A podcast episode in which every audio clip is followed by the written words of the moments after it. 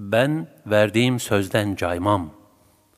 Bir yıl sonra Uhud günü yapılan anlaşma mucibince, Mekkeli müşriklerle Müslümanlar tekrar harp edeceklerdi.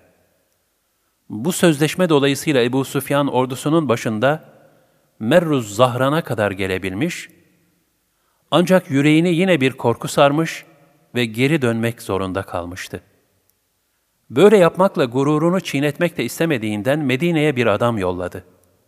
Kendilerinin büyük bir orduyla yola çıktıklarını söyletip, aklınca müminleri korkutarak harbe çıkmamalarını temin etmek istiyordu.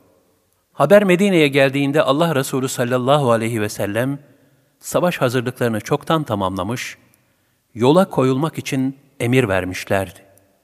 Haberci Ebu Süfyan'ın korkup da geri döndüğünü bildiğinden, Müslümanları iyice tedirgin edip, harpten çekinerek yola çıkmamalarını sağlamak için elinden geleni yapıyordu. Kendisine tembih edilen şeylerin üstüne yeni ilavelerle, Müslümanlar Mekkelilerle şehir dışında harbederse, neticelerinin çok kötü olacağını söylüyordu. Fakat ne yaptıysa, müminlerin Medine'de kalmalarını sağlayamadı.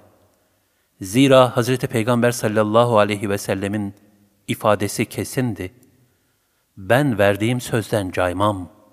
Nihayet İslam ordusu Bedri Sugra'ya vardı. Düşmandan hiçbir iz yoktu.